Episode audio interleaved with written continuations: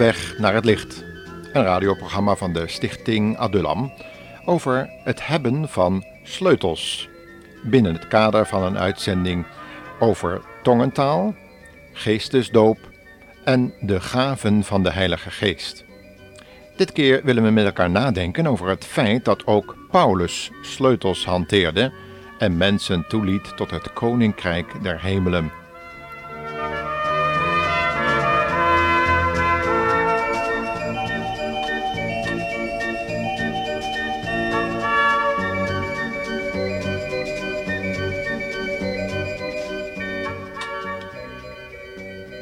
We hebben vandaag als kernteksten de teksten uit Handelingen 19, vers 1 tot 7. We moeten, zoals we al gezegd hebben in ons vorige programma, niet denken dat alleen Petrus sleutels mocht hanteren.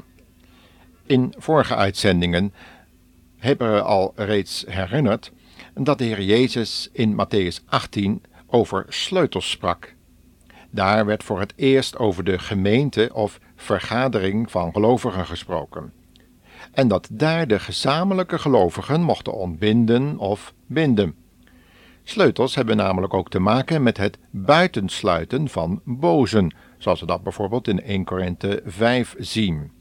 Bozen die wel in het koninkrijk van de hemelen aanwezig waren, maar of er niet thuis hoorden, of tijdelijk even opgesloten moesten worden totdat zij hun zonden hadden beleden en weggedaan. Paulus, die als lid van het lichaam was toegevoegd bij die eerste christenen, bleek als apostel ook sleutels te hanteren. Iets daarvan lezen we al in 1 Korinthe 16, vers 9, waar we het volgende lezen. Mij is een grote en machtige deur geopend, en er zijn vele tegenstanders. Paulus spreekt hier over zijn verblijf te Efeze op de Pinksterdag. Dat laatste zal wel niet voor niets zijn opgetekend, want tijdens zijn verblijf daar ontmoette hij twaalf Joodse mannen die niet veel meer wisten dan de doop van Johannes. Ook zij waren godvrezende mannen, maar hadden de Heilige Geest niet inwonend, omdat zij het evangelie van de behoudenis en de opstanding van de Heer Jezus nog niet kenden. Paulus merkte dat tijdens een gesprek met hen op en vroeg hen rechtstreeks op de man af of zij de Heilige Geest al ontvangen hadden toen zij tot geloof kwamen. Dat zou namelijk de normale gang van zaken geweest zijn sinds de bekering van Cornelius, de hoofdman over honderd, de bekeerde Romein. Het antwoord moesten ze echter schuldig blijven, want zij wisten niet eens dat de Heilige Geest als een persoon op aarde gekomen was, en ze wisten dus ook niet dat de Heer Jezus daarover gesproken had, en ook omdat hij verheerlijkt was, zijn vertegenwoordiger op aarde had gezonden, de parakleet, de erbij geroepene. Eigenlijk zou je deze vraag best ook in onze tijd kunnen stellen aan sommige gelovigen. Velen willen volgeling van bepaalde personen zijn, sterke persoonlijkheden. Velen laten zich ook dopen tot een bepaalde persoon, of een kerk, of een kring, of zelfs een doctrine, een leer. Het gevolg van zo'n houding is meestal dat men onwetend blijft over het grote gebeuren op het kruis van Golgotha. Men blijft afhankelijk van mensen, beter gezegd, een slaaf van iemand anders. Er is immers al het werk wat op het kruis gedaan is, dat gedaan moest worden, nog steeds door deze mensen gedaan.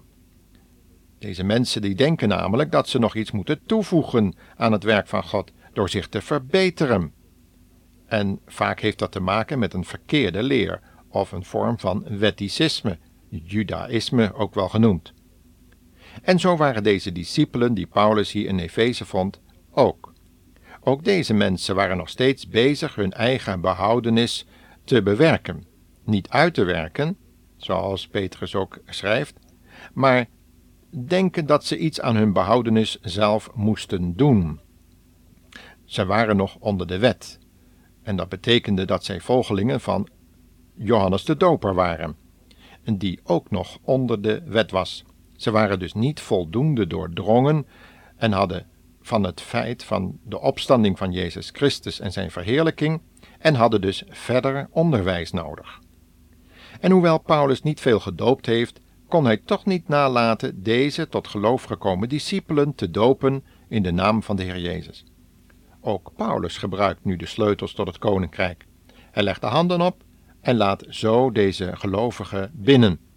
En als bewijs van hun oprechte geloofsgehoorzaamheid ontvingen zij duidelijk hoorbaar de Heilige Geest, want zij verkondigden met vrijmoedigheid het woord.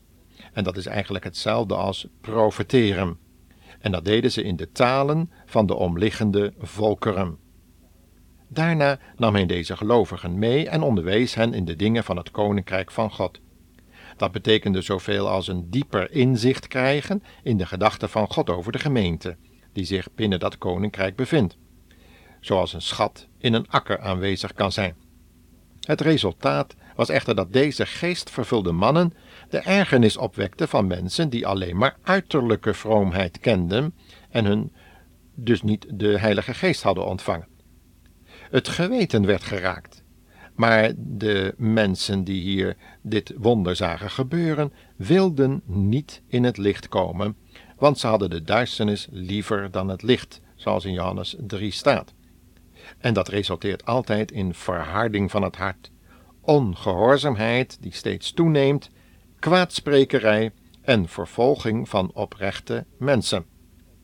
Zo zou het in deze tijd ook kunnen gaan, luisteraar. En zo gaat het ook. En nu is de vraag, komt tot u, welke categorie behoort u? En tot die van de discipelen die meer inzicht nodig hadden en dus ook kregen, of tot hen die zich verharden en liever in de duisternis wilden blijven? U krijgt niet de Heilige Geest door handoplegging in eerste plaats, maar door geloof in het gepredikte woord. En zoals we in andere programma's al hebben aangetoond, kan handoplegging een soort bevrijding zijn van allerlei gebondenheden, waardoor er met vrijmoedigheid gesproken wordt over dat wat de Heilige Geest in uw hart gewerkt heeft. Dat betekent de wedergeboorte. En daardoor wordt ons harde hart veranderd, zacht gemaakt en vernieuwd. Daar wordt zo dadelijk een lied over gezongen.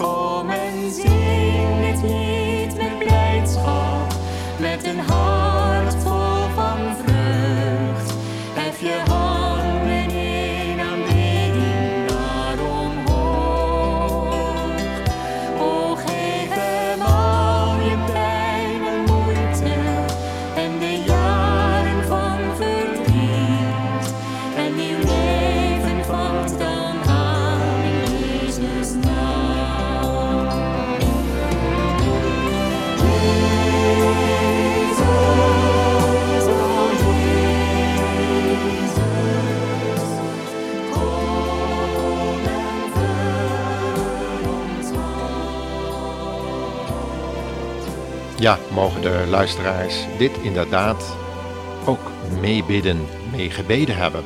Dat de Heer Jezus werkelijk als Heer in uw hart woning kan maken, zoals in de Efezebrief staat. Nu willen we samen nagaan wat die gaven, welke de gemeente van God ontvangen heeft, eigenlijk praktisch betekenen. En we lezen daarom in 1 Korinthe 12, vers 4 en Efeze 4, vers 7 en 8. Veel christenen maken de vergissing dat gaven van de geest hetzelfde is als de vrucht van de geest. God heeft inderdaad gaven aan de gemeente geschonken. Maar ook aan de mensen in het algemeen heeft God in zijn wijsheid en goedheid gaven geschonken. Paulus verwijst daarnaar in zijn brief aan de Efeziërs, waar hij in hoofdstuk 4, vers 7 en 8 het volgende schrijft: Aan een ieder afzonderlijk is de genade gegeven naar de mate waarin Christus haar schenkt. Daarom heet het opgevaren naar de hoge, voert hij krijgsgevangenen mee. Gaven gaf hij aan de mensen. En aan de gemeente, als het zogeheten lichaam des Heren, zijn dan ook verschillende genadegaven geschonken. Maar het is opmerkelijk dat sommige gaven die in de Korinthebrief worden gevonden, niet gevonden worden in de Efezebrief. Dat komt omdat het in de Efezebrief gaat over gaven die nodig zijn om het reeds genoemde lichaam van Christus op te bouwen tot volle wasdom. Dit lezen we in Efeze 4, vers 13 en 18. De gaven zoals die door God gegeven zijn aan de Corinthiërs hebben dan ook een andere taak. Een taak die naar buiten gericht is, waar de ongelovigen zijn. Het is dan niet verwonderlijk dat er daarover gaven van geloof gesproken wordt, genezing, profetie, onderscheiding van geesten en het spreken in allerlei talen. Dat zijn allemaal gaven die nodig zijn om invloed uit te kunnen oefenen op ongelovige toehoorders. Het is in dit verband dat Paulus dan ook spreekt over tekenen, die tegelijkertijd gaven kunnen zijn. Deze tekenen zijn echter niet voor gelovigen, zegt hij, maar zoals het in 1 Korinthe 14, vers 22 staat, voor ongelovigen. En wanneer we dit steeds voor ogen houden, worden we bewaard voor verwarring en allerlei onbijbelse leringen.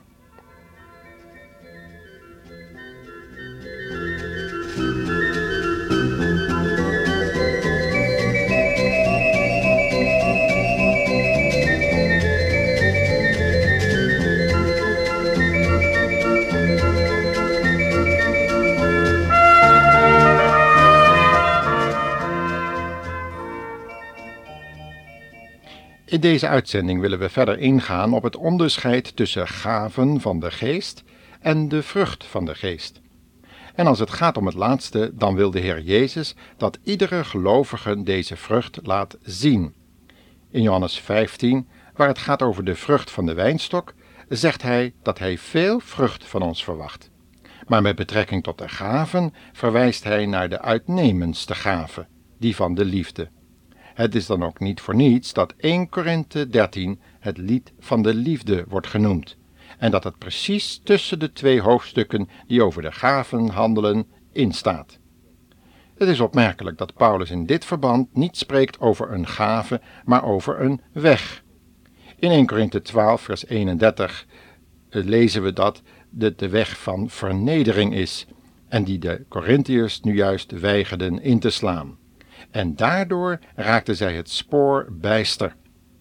Het gevolg hiervan was dat zij elkaar niet meer konden verdragen, jaloers werden, elkaar als het ware naar de kroon staken en dat er secten ontstonden rondom allerlei favoriete voorgangers die al of niet vermeenden gaven hadden. Er kwamen ook valse leraars de gemeente binnen. En dat allemaal omdat de nadruk werd gelegd op de uiterlijke gaven in plaats van dat de nadruk op de gever lag. Is het dan niet begrijpelijk dat Paulus nog even wachtte met het bezoek aan deze gemeente, totdat zij orde op zaken gesteld had? Luisteraar, mag ik u vragen wie er bij u centraal staat? Of beter gezegd, wat er bij u dan centraal staat? Is het een persoon, de Heer Jezus en zijn woord, of zijn het de gaven die hij gebruikt om zijn gemeente te bouwen en te onderhouden en ook anderen leden toe te voegen? In een volgende uitzending zullen we samen nadenken over de vrucht van de Heilige Geest, zoals dat in Galaten 5 vers 22 beschreven wordt. Luistert u dan weer mee? Tot de volgende uitzending over deze onderwerpen: tongentaal, geestesdoop en de gaven van de Heilige Geest.